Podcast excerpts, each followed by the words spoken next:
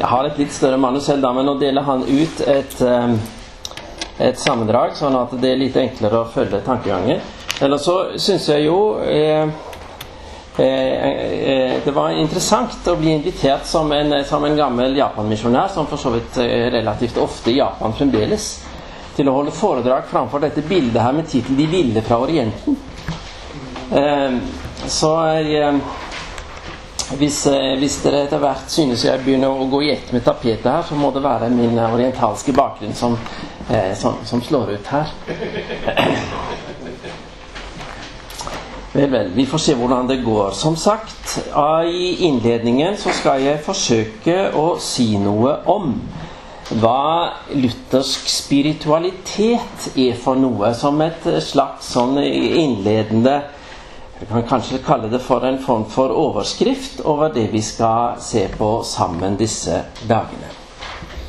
Og i motsetning til enkelte andre foredrag jeg har holdt i livet, så har jeg i dag ikke til hensikt å være verken kreativ eller original. Det meste av det jeg kommer til å si nå, det har jeg sagt før. Og jeg vil anta at de fleste av dere i ulike sammenhenger også har hørt det før. Eh, om enn ikke fra meg kanskje alltid. Likevel så tror jeg at en slik repeterende oversikt kan være nyttig som innsteg i et symposium som det vi nå skal ha. Hvor står vi, og hvorfor står vi egentlig her? Det er faktisk ganske viktige spørsmål. Eh, og jeg antar at når en har villet ha et slik eh, oversiktsforedrag, kan vi kanskje kalle det, først i konferansen, så er det fordi at de som har satt opp dette programmet, har tenkt omtrent på samme måten. Innledningsvis en kort bemerkning om hva jeg forstår med ordet spiritualitet. Eh, med det mener jeg trospraksis, slik den er informert av fellesskapets og den enkeltes forståelse av sin tro. Begrepet spiritualitet, slik jeg forstår det, prøver altså å tematisere sammenhengen mellom lære og liv. Eller mellom tro og gjerninger. Med et hovedfokus på spørsmålet om hva vi gjør når vi tror. Altså troens uttrykk i gudstjeneste og andakt liv. Jeg tror ikke det er kontroversielt eller omstridt verken på lutherske eller økumeniske premisser at det er ment å være en slik sammenheng. Det er bedre om det er sammenheng mellom lære og liv enn om det ikke er det. Så følgelig burde det være et meningsfylt prosjekt å prøve å finne denne sammenhengen og klargjøre hva den består i. Og for å gjøre det så skal jeg begynne med begynnelsen, som i denne sammenheng ikke er første Mosebok kapittel 1, men Confessio Augustana artikkel 1.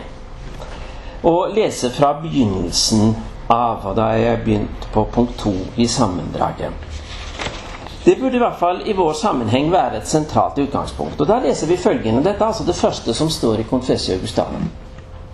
Våre menigheter lærer samstemmig at avgjørelsen på det nikenske kirkemøtet om det guddommelige vesens enhet og om de tre personene er rett. Da våre lutherske fedre skulle avlegge regnskap for sin tro på riksdagen i Augsburg i 1530, falt de det anså nødvendig å innlede med følgende to teologisk sentrale påstander Punkt 1. Vi tror på den treenige Gud. Og punkt 2. Vi gjør det på samme måte som de gjorde på kirkemøtet i Nikea. Nå tenkte de nok i realiteten, hvis vi skal være litt historisk presise, på det vi gjerne kaller for den nikensk-konstantinopolitanske bekjennelsen. Slik som vi kjenner den fra kirkemøtet i Konstantinopel i 381 men det er i denne sammenheng ikke så viktig. Avgjørende viktig er derimot de to saklige poengene i dette sitatet. tilslutning til treenighetslæren slik den foreligger i Nikenu. Så viktig syns jeg faktisk at disse to poengene er. At det er mulig å hevde at vår jakt på den lutherske spiritualitet kan avsluttes her og nå. For med denne tilslutning til den oldkirkelige bekjennelse av troen på den treenige Gud, så er det avgjørende allerede sagt. Men det er mulig å pakke akkurat det litt mer ut. Det gjør resten av Confessio Augustana, og det skal jeg også gjøre i resten av dette foredraget. Det er selvsagt ikke tilfeldig at en her henviser uttrykkelig til Nikenum. Den nikenske trosbekjennelse er nemlig ikke en hvilken som helst bekjennelsestekst. Det er den økumeniske trosbekjennelse framfor noen annen. Det er den ikke bare i kraft av å være den eneste bekjennelse fra oldkirken som er anerkjent som trosbekjennelse både i Vestkirken og i de ortodokse kirker. Men den er den også i kraft av å ha blitt ansett som Kirkens enhetsgrunn av alle senere konsiler og kirkemøter. Alle konsiler og kirkemøter fra 400-tallet av og gjennom middelalderen forstår nemlig i sine lærevedtak som presiseringer og utleggelser av det som ble bestemt på de to konsilene på 300-tallet. Kalkedon-konsilet fra 451 sier det f.eks. slik i det vi følger de hellige fedre, altså konsilfedrene på 300-tallet, så lærer og bekjenner vi samstemt. Og så kommer det som vi kjenner som Kalkedon-vedtaket. I denne tradisjonen av Nikenum-utleggelse er det altså Confessio Augustana forstår seg selv. CA vil være et bidrag til den økumeniske kirkes utleggelse av sitt viktigste bekjennelsesskrift. Dette vil jeg si er faktisk et uoppgivelig poeng for den lutherske kirkes tro og spiritualitet. Lutherske kirker forstår seg selv som en del av den økumeniske kirke, som bekjente sin tro gjennom de oldkirkelige klassiske bekjennelsestekstene og som siden har fastholdt og presisert denne trosbekjennelsen. I denne mening, altså som forpliktelse på den økumeniske kirkes felles trosbekjennelse, kan en faktisk snakke om tradisjonen som en absolutt autoritet også i en luthersk kirke. I den felles kristne tro, slik den kommer klassisk til uttrykk i den ikenske trosbekjennelse, er det vi har vår identitet og forankring. Den lutherske kirke sin spiritualitet er altså i sin kjerne og forankring økumenisk. Dette standpunktet er interessant også fordi det allerede på reformasjonstiden var kontroversielt. Confessio Augustana er nemlig den siste og derfor den eneste av bekjennelsene fra reformasjonstiden som innledes på denne måten. Konkordieformelen ligger i nærheten, men ingen av de andre.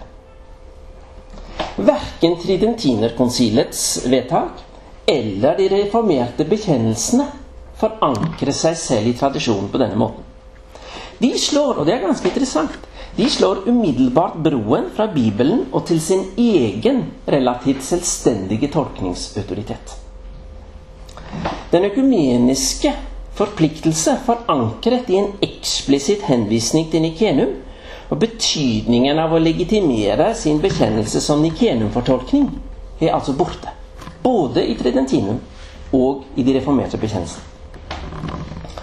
For å sette saken på spissen Konfessor Augustana er slik sett den eneste av de sentrale bekjennelsene fra reformasjonstiden som er økumenisk, i den grad at den ikke tar utgangspunkt i tanken om Skriften alene, som et formelt prinsipp, men tar utgangspunkt i sin tilslutning til Kirkens bekjennelsestradisjon som absolutt lærende. Alle de andre bekjennelsene, inkludert Tridentinum, begynner i læren om Den hellige skrift. Sea og Konkordieformelen begynner i Nikene, i Den økumeniske kirkes felles trosbekjennelse. Det er såpass påfallende og i lys av den historiske kontekst også såpass oppsiktsvekkende at det er nødvendig å spørre hvorfor begynner den lutherske bekjennelse akkurat her? Og da er vi kommet til punkt tre i sammenfatningen. For å svare på det så må vi se på den andre påstanden som framsettes i denne første setningen i CA, som jeg siterte nemlig tilslutning til oldkirkens tro på den treenige Gud. Fra én side sett er det Augustane her sier, en selvfølge. Enten bekjenner en seg til troen på den treenige Gud, eller så er en ikke kristen. Sånn sett så sies det ikke noe utover det selvfølgelige. Men er det én ting de lutherske lærefedre ikke gjorde, så var det å ta troens sentrale poeng som selvfølgeligheter. Sea og den lutherske reformasjonen i sin alminnelighet er kjennetegnet av et usedvanlig energisk forsøk på å tenke gjennom troens kjernepunkter. Hva betyr det at Gud er treenig? Og hvordan kan vi sikre at troen på den treenige Gud lever i vår bekjennelse og vår spiritualitet? Og ikke bare blir irrelevant ortodoksi? For de lutherske reformatorer var det faktisk et svært sentralt spørsmål. For kirkefedrene, både de oldkirkelige og de lutherske, sier treenighetslæren først og fremst to ting. Den sier for det første at Gud er evig og uforanderlig. Gud er ikke en som er underlagt tidens forandringer og endrer seg med den. Han endrer seg ikke engang med de fundamentale endringer han selv innfører. Ved å skape tiden og fylle den med en frelseshistorie. Og så sier treenighetslæren at denne uforanderlige, evige Gud har åpenbart og åpenbarer seg i tiden som skaper, som frelser, og gjennom sitt skapende ord på en slik måte at det er identitet mellom den evige Gud og hans åpenbaring i tiden. Filosofisk og rasjonelt er dette faktisk ikke mulig. Evigheten kan ikke fullt ut manifestere seg i tidens rom uten å opphøre å være evighet. Dette lar seg rett og slett ikke tenke. Evighet i tid og rom. Prøver vi å tenke det innenfor den rammen av verden av tid og rom vi kjenner og som vår tenkning er bundet til, gjør vi ganske fort den erfaring at det får vi ikke til. Tanken bryter sammen. Treenighetslæren er imidlertid forankret i å prøve å fastholde den bibelske åpenbaring som en realisering av denne umuligheten. Derfor er treenighetslærens forankringspunkt ikke vår tenkning om Gud, men den bibelske fortelling om Guds sønn, som er et menneske, skapt i tiden som oss, samtidig som han i denne form manifesterer den evige Guds realitet uten innskrenkning og forandring. Treenighetslærens kjernepunkt er denne identiteten mellom evighet og åpenbaring i tid og rom. Det er en identitet som ikke kan forstås, men som likevel fastholdes i troens bekjennelse, og som derfor er forankret i fortellingen om det som ikke kan tenkes men som likevel skjedde. Derfor hører treenighetstro og trosbekjennelse saklig sett sammen. Og derfor må en saksvarende utleggelse av den kristne tro begynne her, Og den kan ikke begynne noe annet sted. Den tydeligste utfoldelse av denne identiteten mellom den evige Gud og hans manifestering i tiden i en oldkirkelig bekjennelsestekst er Kalkedons lære om enheten i Jesu person av guddommelig og menneskelig uten sammenblanding og uten forvandling. Det er en tekst som presiserer konfessor Augustanas inkarnasjonsforståelse på en måte som var meget sentral i Luthers tenkning, og som også er reflektert i kristologiartikkelen i Augustan artikkel 3, hvor det sies at den guddommelige og menneskelige natur i Kristus er uatskillelig sammenbundet i personens enhet. Det er hentet nokså direkte fra Kalkedon. Det fundamentale poeng her er fraværet av enhver form for forvandlingsterminologi. Guddommeligheten må ikke skjæres til på endelighetens premisser for å kunne tenkes og manifestert i tid og rom. Og menneskeligheten må ikke først gis en slags forberedende opphøyelse, en åndelighetens forbedring, før den kan forenes med guddommelighet. Begge deler består uten noen forvandling. Guddommeligheten er fullt ut manifestert og åpenbart på endelighetens premisser, uten at noen av delene derved undergår noen form for endring. Dette er ikke tenkbart, men det er fastholdt som objekt for troens bekjennelse. I Kalkedons lære om at Kristus er av samme vesen som oss, ligger allerede tanken om at denne forening uten forvandling er høyst relevant også for våre liv, vår tro og vår spiritualitet. Konfessor Augustan artikkel 4 gjør denne anvendelsen eksplisitt hvis en lærer om rettferdiggjørelse ved tro alene. Kristi rettferdighet, som er det aspekt ved hans guddommelighet som særlig aktualiseres i denne sammenheng, den blir vår rettferdighet i kraft av en personenhet som er nært beslektet med den som består mellom Faderen og Sønnen. Rettferdiggjørelseslæren innebærer altså at i kraft av den inkarnatoniske forening av guddommelige og menneskelig får vi del i guddommelige egenskaper. Eller for å si det med den dristigste formulering vi finner i Det nye testamentet på dette punkt vi får del i guddommelig natur. 2. Peter 1,4. Og forvandlingsaspektet er like lite relevant her som ved inkarnasjonen. Det er slik vi er, i kraft av Guds allmakt og Guds nåde. Vi inkluderes i denne manifestering av guddommelighet.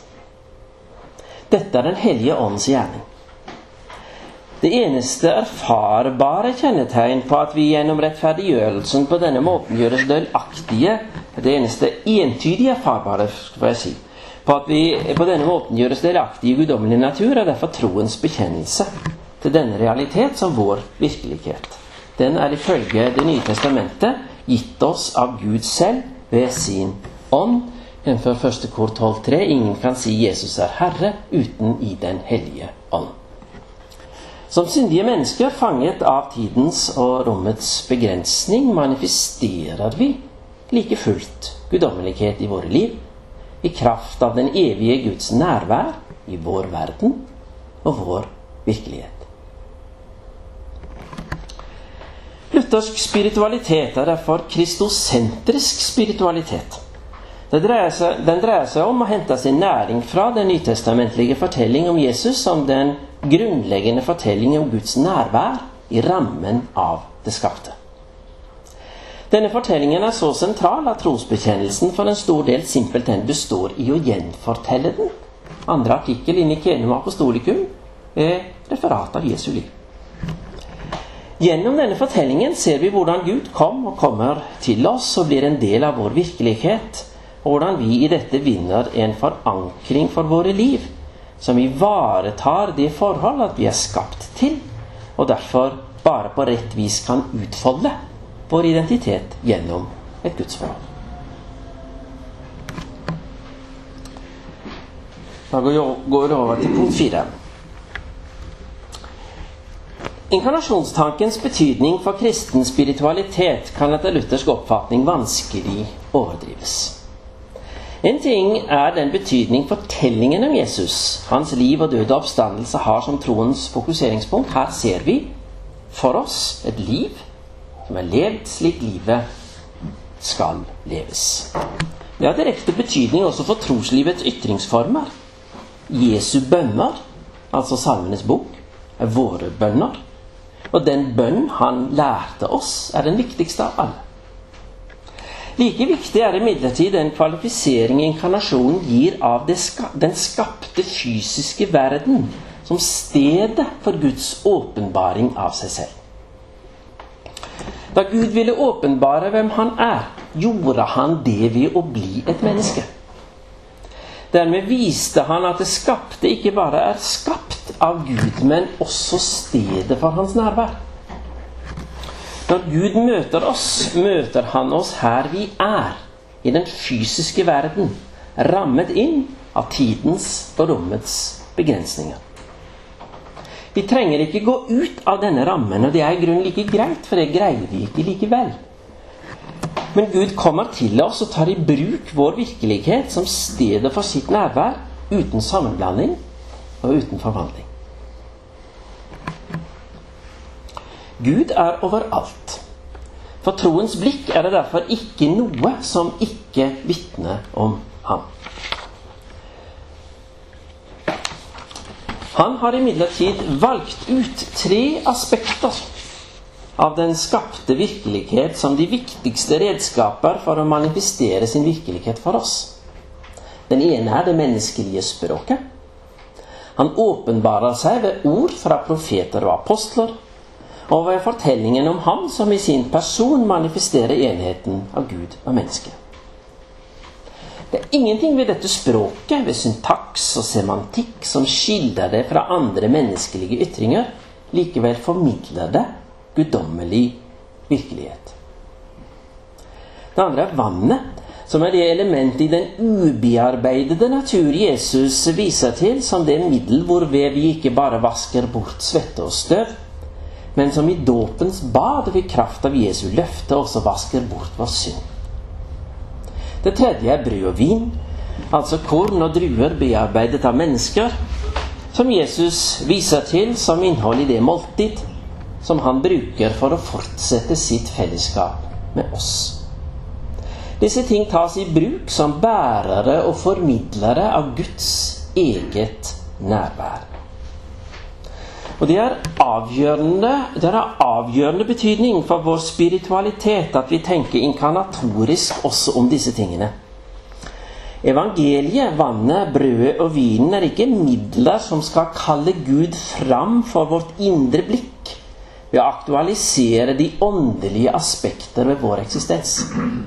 Nei, evangeliet, vannet, brødet og vinen er midler Gud tar i bruk for å komme til oss så å si konfrontere oss innenfor rammen av vår virkelighet, der vi befinner oss.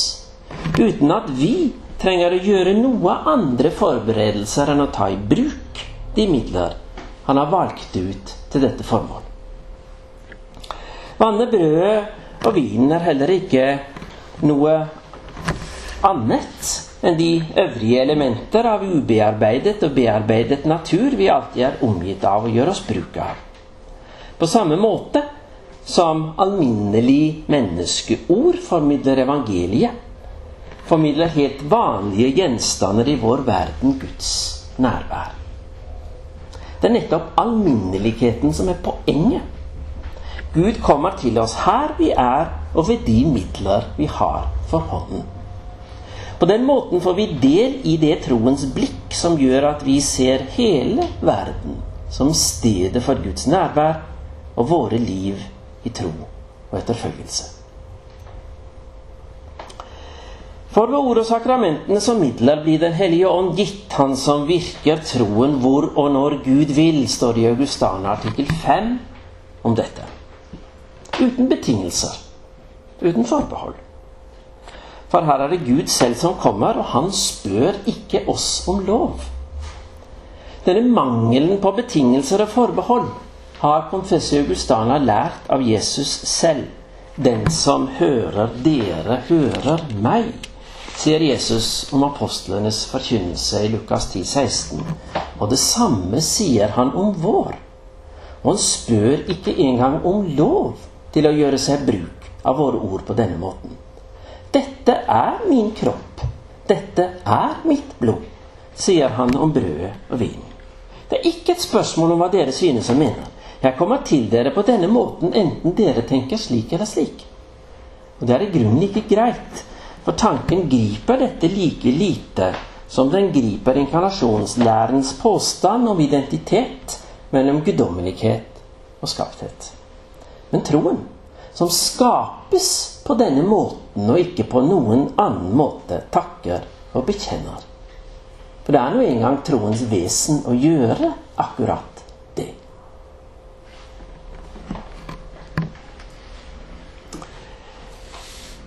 Punkt 5. Luthersk spiritualitet er modernitetskritisk. Kristen spiritualitet er altså etter luthersk oppfatning forankret i denne inkarnatoriske forståelse av vår virkelighet som stedet for Guds nærvær. For alle andre virkelighetsforståelser er dette en provoserende påstand. Fordi formidling av guddommelighet i og ved det skapte uten sammenblanding og uten adskillelse er umulig å gripe for tanken. Så er dette noe mennesker alltid har prøvd å omtolke og avbøye.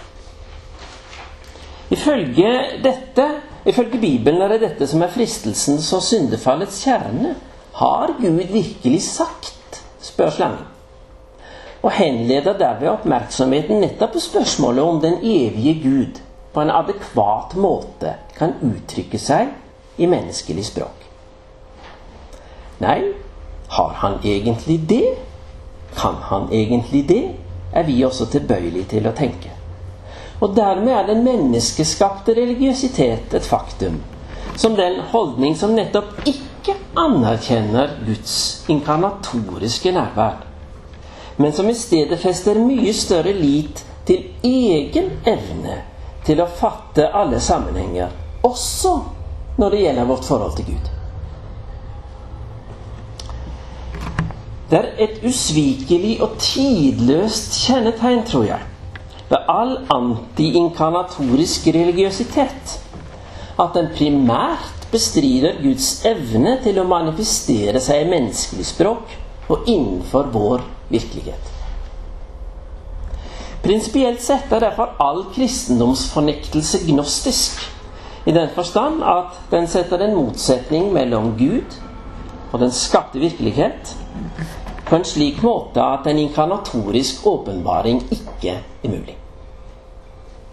På tankens premisser er det ubestridelig riktig, men en inkarnatorisk åpenbaring kan nettopp ikke tenkes om ikke tanken da gjør det til sin lidenskap og oppsøker sin egen begrensning. Paradokset tankens lidenskap, for å sitere den på dette punkt utmerkede lutherske teolog Søren Kirkegård. Men også da kan Guds inkarnatoriske nærvær bare formidles gjennom en fortelling som selv skaper den tro den mottas i. En tro som da er forankret i det som ligger bortenfor det tenkbart mulige. Da denne troens mottagelighet for åpenbaringens bro fra evighet til tid ikke foreligger, der endres på en interessant og ganske karakteristisk måte forståelsen av forholdet mellom Gud og det skapte.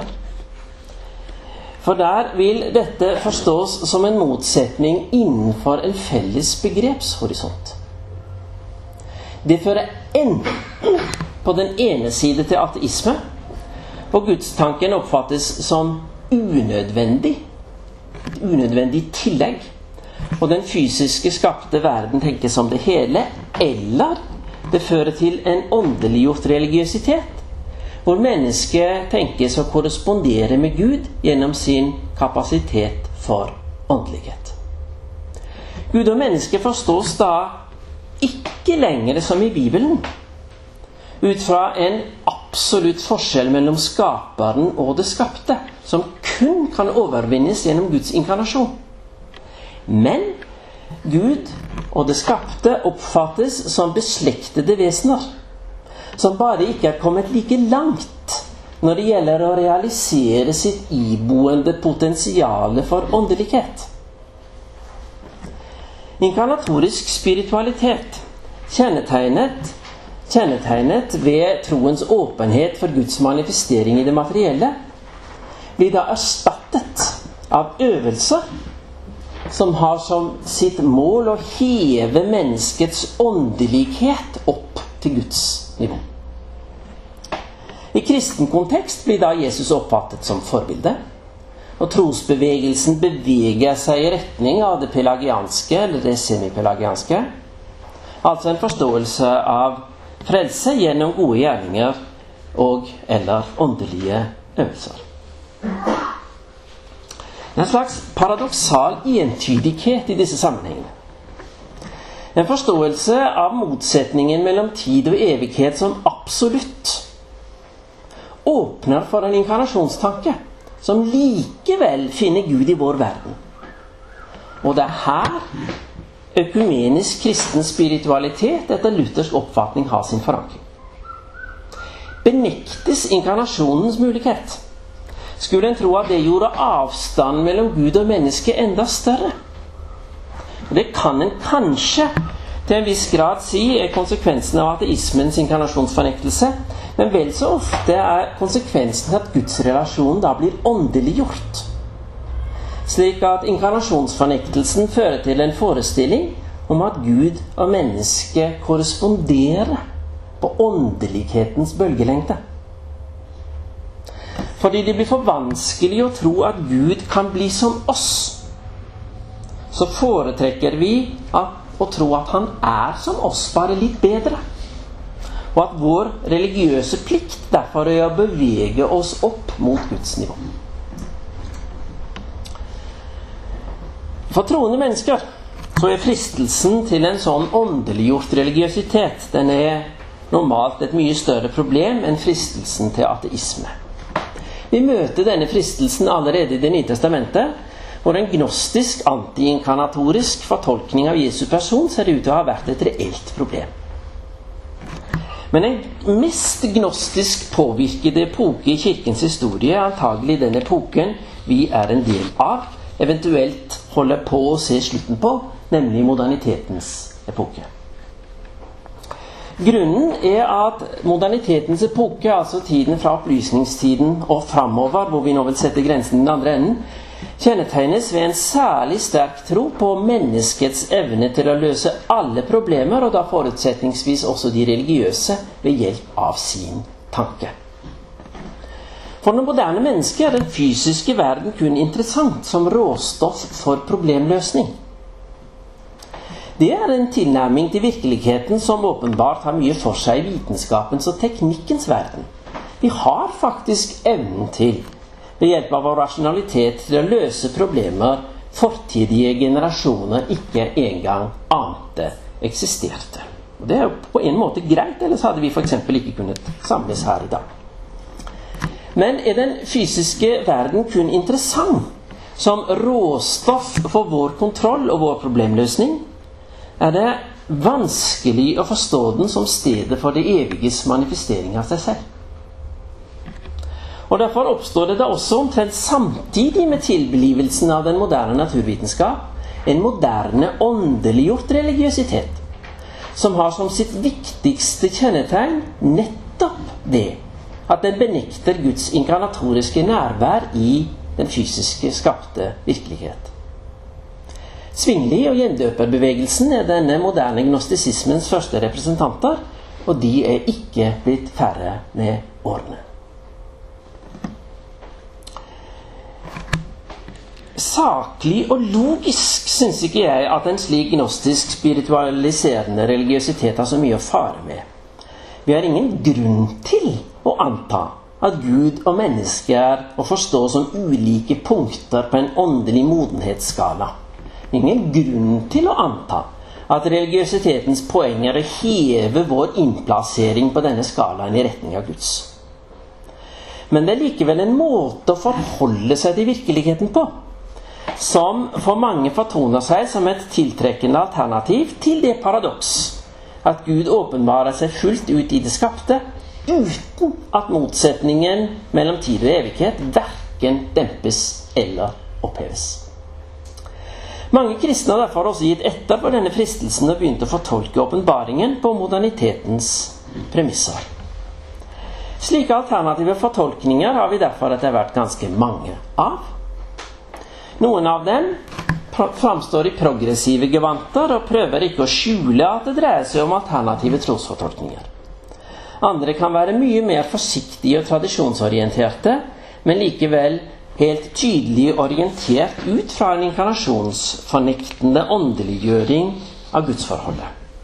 Det tror jeg er en parallell i reformatorenes uttrykk av papist, kritikk av papister, det kan vi i denne sammenheng kalle for de konservative, og svermere, som i denne sammenheng blir de liberale, som uttrykk for samme type menneskesentrert spiritualitet.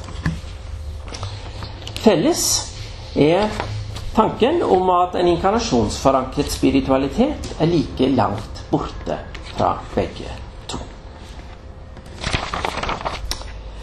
Punkt seks, og nå har jeg altså kommet til det siste punktet. Luthersk spiritualitet er liturgisk og hverdagslig. Når det gjelder det konkrete gudstjenesteliv, har en inkarnatorisk spiritualitet en dobbel forankring. Dels er den forankret i Jesu eget forbilde, altså den tradisjon som består i å lese og utlegge de hellige skrifter og be de hellige bønner. Og dels i Jesu undervisning, tenk på Herrens bønn, og opprettelse av dåpen og Herrens måltid som veien inn i og den konkrete manifestering av de troendes fellesskap med hverandre og med sin Herre. Til dette kommer trosbekjennelsen som et uttrykk for at en sammen med de troende i fortid og nåtid fastholder sin tro på Guds åpenbaring av seg selv gjennom den bibelske fortelling. Dette må ikke alltid overalt gjøres på samme måte. Det er ikke slik at Guds nærvær er knyttet til bestemte måter å gjøre dette på, og ikke til andre. Men det er likevel avhengig av at det alltid og alle steder i prinsippet gjøres det samme. En gudstjeneste som ikke lenger er forankret i arven fra synagogen, skriftlesing og bønn, og Jesu innstiftelse av dåp og nattverd, vil med svært stor sannsynlighet være uttrykk for en spiritualitet som ikke lenger er inkarnatorisk, men som søker å utfolde en alternativ form for åndelighet. Et like viktig kjennetegn på inkarnatorisk spiritualitet er imidlertid at den alltid vil være rettet mot liturgien etter liturgien. Altså vår tjeneste i verden for vår neste. Dersom den skapte fysiske verden er det sted hvor Gud møter oss og gir oss troen, så er også den skapte fysiske verden det sted hvor vår tro kommer til uttrykk. Selvsagt er gudstjeneste og bønn viktige, for uten dem vil troen miste sin forankring. Men livet i familie og samfunn er like viktig. Foruten dem vil ikke troen komme til uttrykk. Derfor har Jesus en påfallende konkret og lite sentimental måte å omfatte og omtale troens etterfølgelse på. Dersom dere elsker meg, sier Jesus, så kan vi skjerpe oppmerksomheten. For hva kommer nå? Dersom dere elsker meg, vil dere ofte oppleve dere hensatt til den syvende himmel? Sier han det? Vil dere gå fra den ene maktdemonstrasjonen til den andre i troslivet? Vil dere alltid vite at dere er elsket av Gud? Nei, han fokuserer på noe annet og mye mindre åndelig. Dersom dere elsker meg, holder dere mine bud. Og det budet er bud om nestekjærlighet. Bud om alltid og konsekvent å prioritere ut fra hensynet til de svakeste til dem Jesus omtaler som disse mine minste. Til alltid å gi uten verken å kreve eller å forvente å få noe igjen. For alt som er verdt å få, det har vi allerede fått.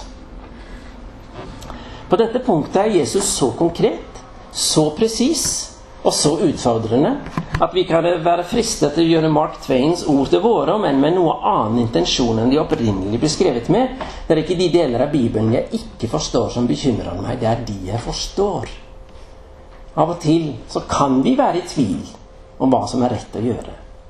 Men om vi gjorde det vi vet vi burde alle de andre gangene, ville det kanskje ikke være så stort problem. Dette er det, slik jeg ser det, som kjennetegner luthersk spiritualitet. Den er økumenisk, inkarnatorisk, sakramental, samtidskritisk, liturgisk og hverdagsnær. Er det dette som kjennetegner spiritualiteten i våre lutherske kirker i dag? Eller finner vi i dag det jeg her har kalt luthersk spiritualitet bedre ivaretatt i andre kirker? Et godt svar på det spørsmålet, hvis det da i det hele tatt lar seg gi, ville kreve et nytt foredrag, og det skal ikke jeg holde nå. Noen av de andre foredragene på dette symposiet vil antagelig komme inn på det.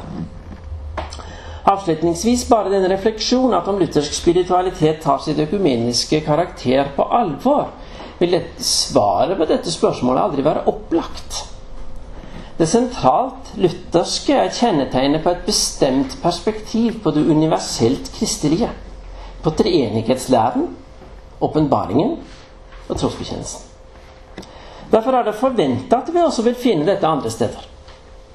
Og om en økumenisk og inkarnatorisk spiritualitet skulle svekkes hos oss, og i mange sammenhenger er nok en slik svekkelse påtagelig, så kan vi jo bare glede oss om lyset skulle skinne sterkere andre steder.